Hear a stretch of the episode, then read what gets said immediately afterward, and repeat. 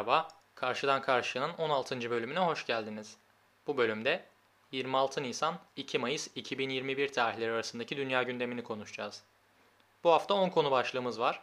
Bu başlıkları daha önce de uyguladığım gibi gelişmiş ve geri kalmış ülkelerden haberler olarak ikiye ayırdım. Bu hafta gündem garip bir şekilde durgundu ya da ben doğru zamanı doğru kanalları kontrol edemedim. Bu sebeple bölümün kısa süreceğini düşünüyorum. Haberlerden sonra da haftanın şarkısı, filmi ve bilgisi var elbette. Bahsedeceğim başlıkların tümüne podcast ile aynı ismi taşıyan Twitter sayfasından ulaşabileceğinizi hatırlatarak 16. bölüme başlayabiliriz.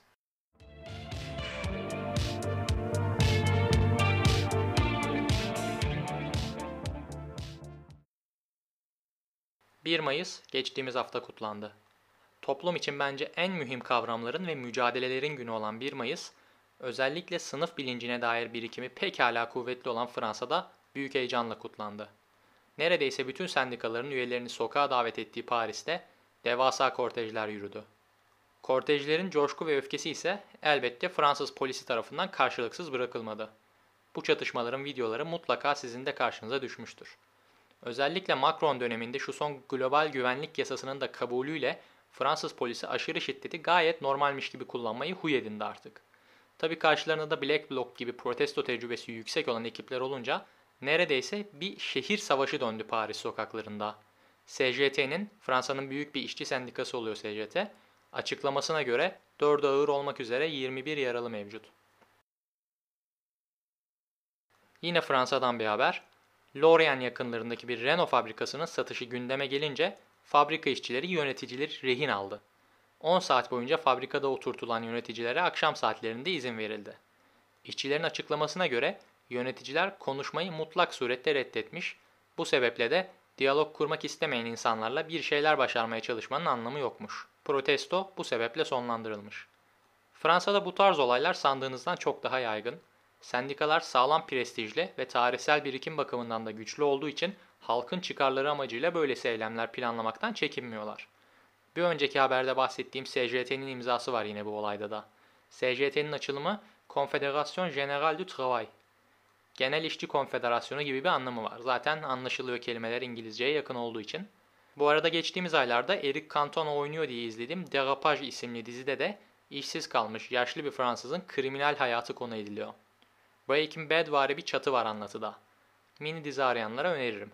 İngilizcesi ise Inhuman Resources. Amerika'ya geçiyoruz. Biden geldiğinde ilk imzaladığı kararlardan biriydi Meksika sınırına inşa edilen duvarı durdurmak. Geçtiğimiz hafta bu duvar için ayrılan bütçenin Pentagon'a devredilmesine karar verildi. Trump zamanında bu duvarı inşa edecek fonu ordu bütçesinden almış, bugünse Biden 14 milyar dolar civarındaki bu parayı Pentagon'a aktarıyor.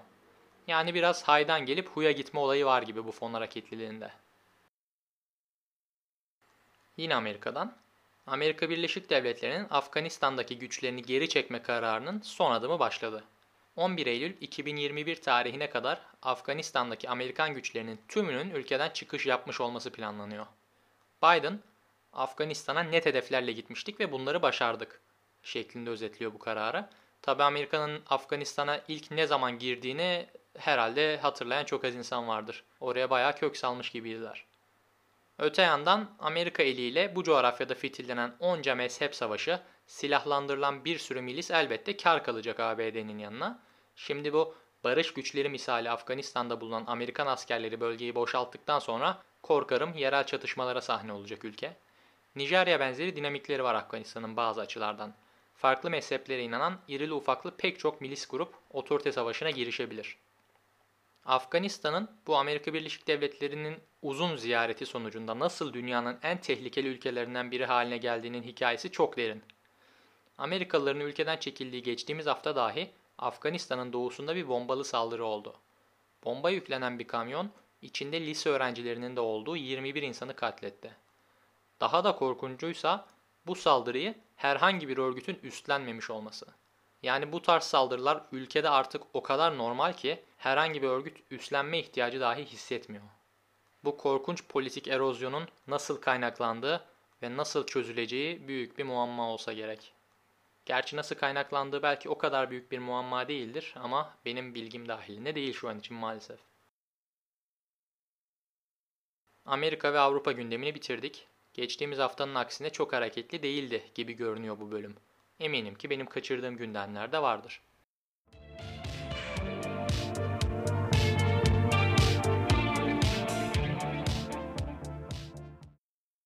Kolombiya'da gösteriler var. Dünyanın büyük şirketleri ve zengin insanlarının tümü gelirlerini katlarken pek çok ülkenin gayri safi yurt içi hasılası düştü bu virüs döneminde. Kolombiya da bu ülkelerden biri. Gelirlerinin %6.8'ini kaybetti geçtiğimiz senede Kolombiyalılar. Üstüne virüsle gelen işsizlik de binince Kolombiya halkı maalesef zor günlerin tam ortasında buldu kendini. Kolombiya hükümeti bu darboğazdan çıkışı vergi alınan maaşların sınırını genişleterek ve vergi oranlarını artırarak sağlamayı planlıyor. Halksa bunun işlerini daha zorlaştıracağını düşünüyor. İki tarafta söyledikleri şeyler de kısmen haklı. Kolombiya devletinin bu zor dönemde halkına doğru politika üretebilmesi için vergilerden gelecek paraya ihtiyacı var. Ama halkın da ekmek su almak için düşük vergili maaşlarına ihtiyacı var. Nitekim bu kısır döngü, hakim ekonomik sistem elinde hemen her ülkede 5-10 yılda bir yaratılan bir alışkanlıktan ibaret. Hükümetin de merkez sağcıların elinde olduğu düşünülürse halkın bu kararlara şüpheyle yaklaşması gayet doğal. Kolombiya bu sıkışmayı aşabilecek mi? Göreceğiz.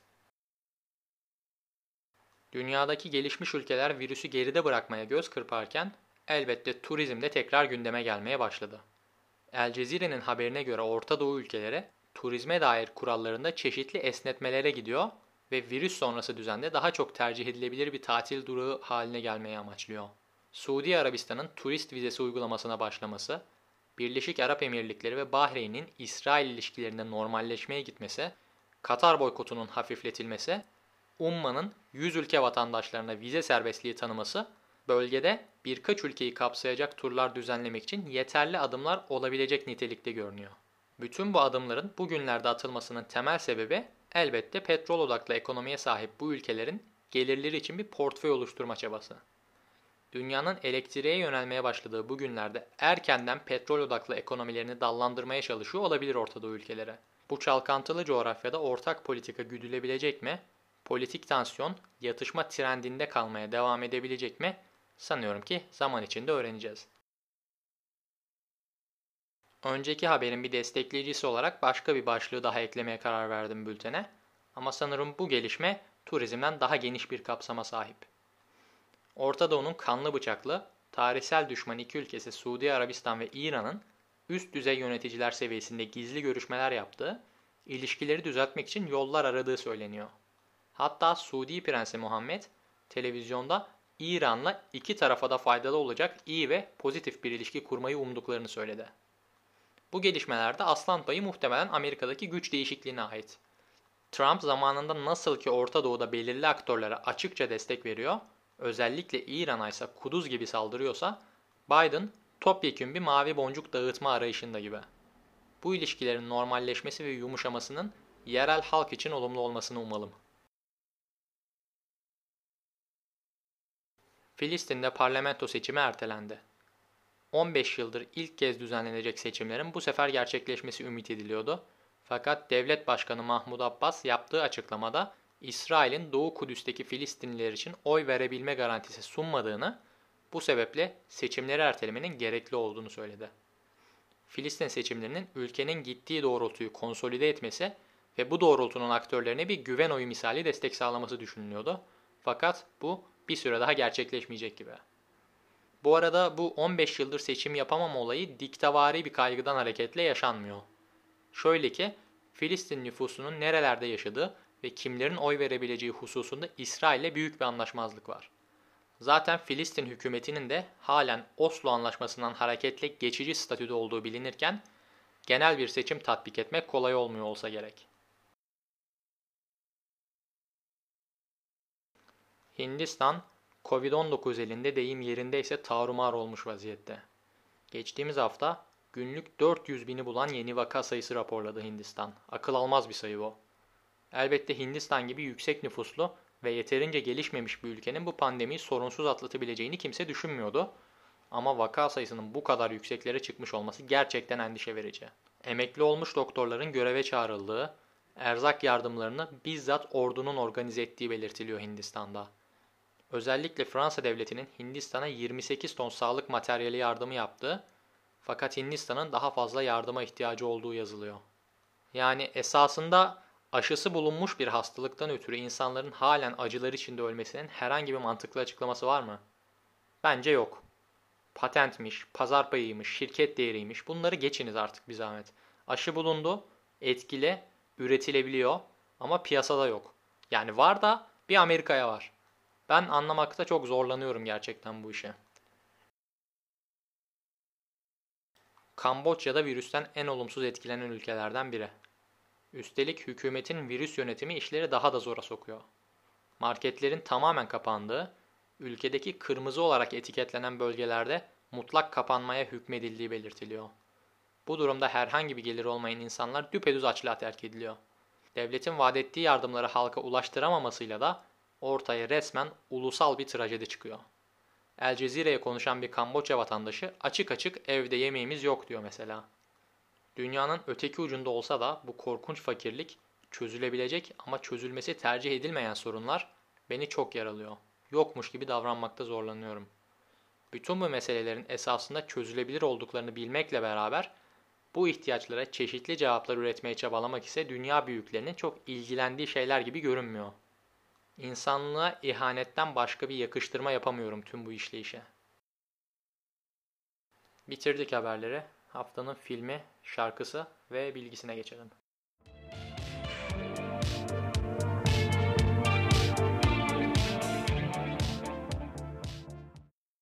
Haftanın filminde Türkiye'den bir belgesel paylaşıyorum. Mehmet Sertan Ünver imzalı 2017 çıkışlı Blue, Türkiye'de blues'un belki de en büyük kilometre taşı olan Yavuz Çetin'in ve zamanında Jimi Hendrix ile çalabilecek kadar yetenekli olan Kerim Çaplı'nın hayatını anlatıyor. Yavuz Çetin'in müthiş derin düşünceli, zeki ve elbette bu dünyadaki her aklı başında insan gibi problemli biri olduğunu gayet hissediyordum ben müziklerine kulak verirken. Bir de bunu sinemada gözlemlemiş oldum. Haftanın şarkısında da Türkiye'deyiz. Aslında bugüne kadar seçtiğim müziklere bakıldığında şaşırtıcı derecede yumuşak bir sound seçiyorum bu hafta. Genelde Dark Wave sularında takılıyorken bu hafta kendimi Dream Pop beğenirken buldum. Sunset Stream'in Lütfen Kimseyi Çağırma isimli şarkısı özellikle sanırım sopran olan vokaliyle çok hoşuma gitti. Enstrümantal olarak çığır açan ya da alışılmış sınırlar ötesinde denemeler yapan bir yapı ya da arayış yok gibi ama vokal o kadar hoş ve şarkı hızını yer yer öylesine tatlı değiştiriyor ki bu haftanın şarkısı olarak onları seçmek istedim. Seçerken de çok zorlandım çünkü yeni bir günde çok tatlı. Haftanın bilgisinde ise sizinle dünyanın en Amerikan icatlarından birini paylaşacağım. 1882 tarihli bir fare kapanı patentinde farenin 50 kalibrelik bir revolver yardımıyla öldürüldüğü görünüyor. Adamlar fare kapanına silah takmış, fare gelince silah patlıyor. İngilizce'de overkill diye bir kalıp var. Basit bir şekilde çözülebilecek herhangi bir sorunu büyük bir külfetle çözüme kavuşturmak anlamına geliyor. Alev püskürtücü silahla sigara yakmak gibi mesela. Bu fare kapanı patenti de onun gibi aynı. Bölüm bitti. Görüşürüz diyelim.